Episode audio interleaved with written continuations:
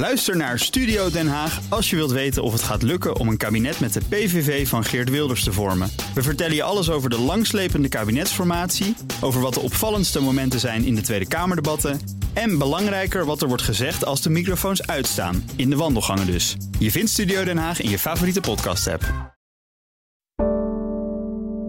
Goedemorgen van het FD. Ik ben Saskia Jonker en het is vrijdag 9 februari.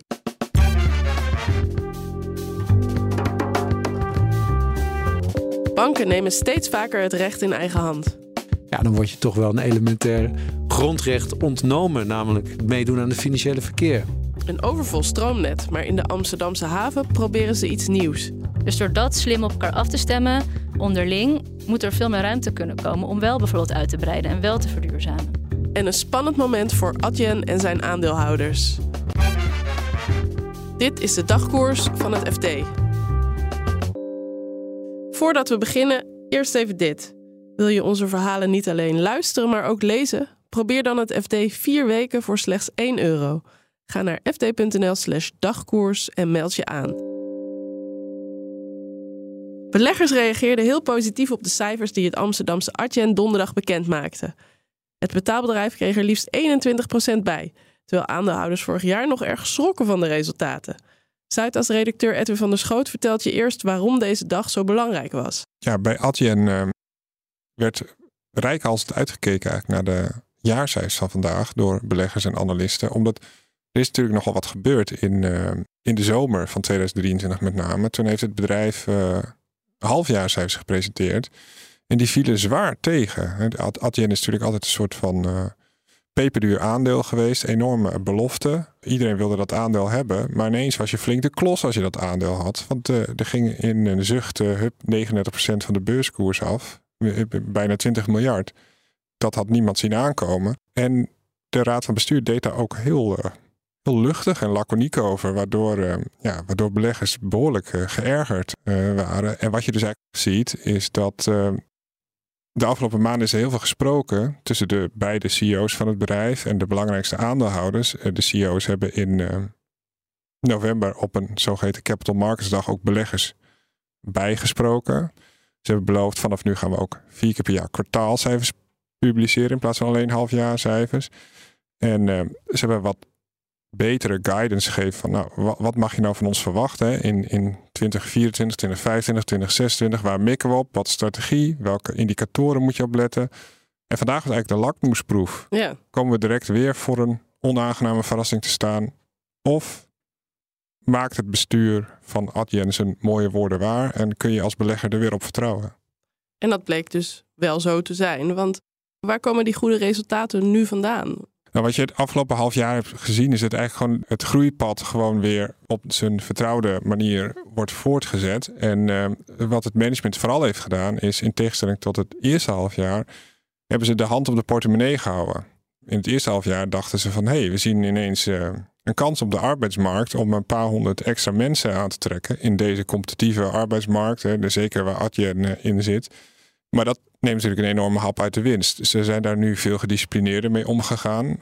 Dus de investeringen liggen veel lager. Nou, daardoor loopt de winst natuurlijk op en de marges. Uh, en los daarvan is Adyen gewoon op een lange termijn aan een soort van groeitraject natuurlijk bezig. Steeds meer betalingen gebeuren digitaal. En binnen de markt van aanbieders uh, is het ook zo dat Adyen, voor zover dat bekend is, het beter doet dan zijn concurrenten. En daarbij zijn ze dus gebaat bij een goed draaiende economie en veel transacties. Zeker. Wat je nu natuurlijk ziet in Noord-Amerika en in Europa is het een beetje. Mensen zijn een beetje voorzichtig, houden af en toe een klein beetje de hand op de knip. Zou je ook denken: oh, dat is niet goed. Je ziet bij bedrijven die rechtstreeks met de consument te maken hebben, die zeggen van ja, we zien toch dat consumenten minder uitgeven, minder besteden. Adyen heeft daar last van. Gaf ook de, een van de twee CEO's uh, bij ons toe. Heeft er alleen minder last van, omdat ze er toch in slagen om in absolute zin wel marktaandeel te winnen. Ja, dus meer klanten. Ja. Hebben ze nu dan, nou, je ziet die koersprong, het vertrouwen van beleggers definitief teruggewonnen? Nou ja, dat is natuurlijk op de bus. Dat vertrouwen is er zo lang als tot de volgende onaangename verrassing. Alleen, uh, nou ja, wat je dus eigenlijk hebt gezien de afgelopen maanden is de buitenwereld probeert eigenlijk dit bedrijf een beetje in het gelid van de beursregels te duwen. Nou, dat lijkt enigszins gelukt. En dus zou je voorzichtig mogen verwachten, en dat doen analisten ook, dat er in de toekomst minder verrassingen, in ieder geval minder onaangename verrassingen in de boeken van Adyen eh, tevoorschijn komen. Uh, de ironie is natuurlijk dat het wel weer een heel volatiel aandeel is. Alleen zal beleggers dat nu niet zo'n uh, pijn doen, want het koers staat meer dan 20% hoger. En dan, een vrouw kon niet meer bij haar privérekening van de Rabobank door nogal bijzondere omstandigheden. Een op het eerste gezicht unieke zaak, maar hij past in een bredere trend. Namelijk dat banken steeds vaker optreden als een soort justitie. Redacteur Gerber van der Marel vertelt je daar alles over. Maar eerst waar die rechtszaak over gaat. Ja, dit draait om het lozen van een klant eigenlijk door, uh, door een grote financiële instelling, uh, te weten de Rabobank. Een hele bijzondere klant. Ehm, het is namelijk een bestuurder van een stichting ja, waar toch ernstige verdenkingen zijn gerezen dat daar sprake is geweest van het doorsluizen van, van geld naar de militante organisatie Hamas. En in deze zaak draait het om het, ja, het stopzetten, eigenlijk een streep halen door de privébankrekeningen van de betreffende bestuurder. Dus haar rekening is eigenlijk geblokkeerd. Zij kan helemaal niet meer bij haar geld. Ja, het zijn twee vrouwen. Het zijn dus de voorzitter van de stichting en een andere bestuurder. Die uh, ja, te horen hebben gekregen dat ze, dat ze privé niet meer mogen bankieren bij, uh, bij de Rabo. Ja, en dat is eigenlijk heel bijzonder. Dat is het bijzondere in deze zaak. Hè. Je ziet heel vaak dat de banken af willen van lastige klanten, moeilijke klanten. Coffeeshophouders, uh, mensen die met Rusland zaken doen. Dit soort stichtingen. Uh, maar dat, um, ja, dat zo'n dat zo'n ja, doorhalen van zo'n zo'n bankrelatie zich uitstrekt tot, tot bestuurders van een stichting is wel heel bijzonder. Ten meer dat deze, deze twee bestuurders helemaal niet als verdachten worden gezien. Ja, en jij zegt dan het komt vaker voor. Waarom doen banken dit? Wat is uh, de rol? Ja, je ziet dat, uh, dat de financiële wetgeving, uh, terrorismefinanciering, dat is een heel zwaar begrip natuurlijk in deze tijden. Maar ook witwassen. Hè. We kennen natuurlijk de, de grote ja, strafrechtelijke onderzoeken waar de banken zelf werden meegezogen. En ook werden beticht van onvoldoende waakzaam geweest te zijn voor alles wat er over die rekeningen loopt en gebeurt. En aan financiering en aan geldstromen. En ja, daar zitten hele diensten op die, die honderden miljoenen besteden, eigenlijk aan het nalopen van verdachte of in ieder geval opmerkelijke geldstromen. Ja, het is dus, uh, het is dus echt het eigen belang van de bank, hè, die honderden miljoenen zo ook aan boetes opgelegd hebben gekregen, dat ze in ieder geval naar de buitenwereld laten zien en, en ook kunnen aantonen dat ze heel kritisch uh, kijken naar klanten en wat die doen met die, met die bankrekeningen. En verwacht jij dan alleen maar meer van dit soort zaken? Ja, de wetgeving wordt alleen maar strenger. Als je daar tien of vijftien jaar geleden over had. Ja, toen werd, zeiden mensen nog van, uh, hoorde je binnen banken van, ja, dat is heel raar. We worden een soort van poortwachter voor justitie, een verleng, uh, verlengstuk, een uh, verlengde arm van de autoriteiten.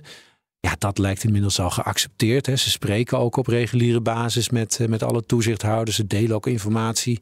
Dus um, je ziet dat die, die wetgeving alleen maar nog strenger wordt. En wat eraan zit te komen is dat die banken ook onderling informatie kunnen delen. Dus sta je op een signaleringslijst, om wat voor reden dan ook. Hè. Dat kan bijvoorbeeld ook een sanctielijst zijn van de Amerikanen of uit Israël, een, een, een waarschuwingslijst van, uh, van antiterrorisme organisaties. Ja, dan ben je eigenlijk zonder een vorm van wederhoor kan je zomaar uh, als klant geloosd worden. Ja, en dat is nergens meer terecht. Ook niet bij de concurrenten. Nou dus... ja, zeker als ze dus informatie gaan delen. En dat is natuurlijk toch een vorm van, van schaduwjustitie... Die, uh, waar je als burger wel vragen over kan stellen. En uh, zeker als, ja, als je dan binnen een organisatie wer werkt... Waar, dan, waar als bestuurder, als eindverantwoordelijke... nou, er gebeuren dingen waar je misschien helemaal geen weet van hebt... En als je dan uh, ja, plotseling te horen krijgt dat je, dat je privébankrekening wordt opgeheven. en je komt bij andere banken ook niet meer terecht. ja, dan word je toch wel een elementair grondrecht ontnomen. namelijk meedoen aan het financiële verkeer. Ja, en uh, we zijn benieuwd wat de rechter daarvan gaat vinden dan. Wanneer is de uitspraak? Ja, de juridische drempel ligt wel heel hoog. Dus ik, ik, ik zou nou ja, opkijken eigenlijk als, als, als de bank hier in het gelijk wordt gesteld. Maar goed. Uh, dat valt te bezien en uh, het is een kort geding en de uitspraak is over twee weken. In de Amsterdamse haven hebben bedrijven een uniek energiecontract getekend. Ze gaan hun elektriciteitsgebruik onderling afstemmen. Daarmee kunnen ze op het overvolle stroomnet toch hun machines laten draaien. Zo'n contract is voor het eerst in Nederland afgesloten. Energieredacteur Eva Royers was in de haven en vertelt wat ze daar zag. Ja, daar is uitgelegd hoe inderdaad het contract in de praktijk eh, moet gaan werken. Uh, want in Amsterdamse haven hebben, uh, is er een probleem met het volle stroomnet, net zoals bijna in de rest van Nederland. Dus bedrijven die willen verduurzamen of uitbreiden, die kunnen geen zwaardere aansluiting krijgen. En dat willen ze daar op gaan lossen door onderling hun gebruik op elkaar af te stemmen. Want ieder bedrijf heeft een soort maximale capaciteit die ze mogen gebruiken. Maar bijna geen enkel bedrijf gebruikt dat, die capaciteit de hele tijd. Je doet het bijvoorbeeld overdag als je machines aanzet, maar niet s'nachts. En een ander bedrijf, ik ben, we zijn bijvoorbeeld langs een bedrijf geweest dat heel veel doet aan het herstel van kades. Die hebben allemaal bootjes en zwaar materiaal. En die willen ze zoveel mogelijk van dieselmotoren op elektrische motoren overgaan. Uh, maar die zullen dus vooral s'nachts worden geladen. En dat vraagt dan heel veel capaciteit, maar op een heel ander moment dan die fabriek die overdag draait. Dus door dat slim op elkaar af te stemmen, onderling, moet er veel meer ruimte kunnen komen om wel bijvoorbeeld uit te breiden en wel te verduurzamen. En kunnen bedrijven dat wel zomaar ineens hun machines uitzetten? Nou, er zijn bijvoorbeeld bedrijven die dat niet kunnen, omdat die gewoon echt een continu proces hebben. En dat zijn ook bedrijven die niet zo'n flexibel contract zullen tekenen. Die zeggen, nou wij blijven wel op de wachtlijst staan, want voor ons is dat gewoon geen optie. Want dat is wel inderdaad echt een onderdeel van dat contract. Een normaal bedrijf heeft gewoon een maximale capaciteit, die mogen ze altijd gebruiken. Deze bedrijven hebben maximale capaciteit, maar de netbeheerder zegt als het net over belast te worden, mogen jullie minder dan die capaciteit gebruiken. Uh, dus moeten jullie terugschakelen in jullie bijvoorbeeld je machines uitzetten. Gaan er meer van zulke contracten komen? Ja, uh, Liander is in ieder geval van plan om nog dit jaar zeven van dat soort contracten te tekenen. Ook in de rest van het land worden allemaal van dit soort initiatieven genomen. Uh, en minister Rob van Energie heeft ook 166 miljoen uitgetrokken om dit soort initiatieven te stimuleren. Dus het is echt, zeg maar, die kant moet het opgaan. Tegelijkertijd heeft Tennet, en die is verantwoordelijk voor het hoogspanningsnet in heel het land, heeft net afgekondigd. Um, ook al gaat het goed op het middenspanningsnet, dat dus een ander net is, worden er allerlei initiatieven ontplooid.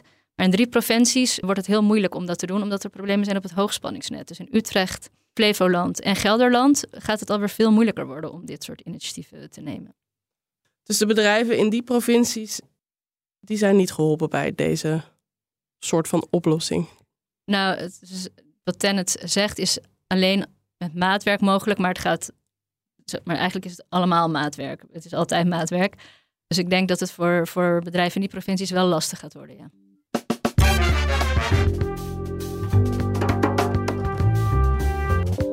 Dit was de dagkoers van het FD. Maandag zijn we er weer. Morgen vind je hier een nieuwe aflevering van Toegevoegde Waarde. Dit keer over de vrije markt. Voor nu een fijn weekend en graag tot maandag.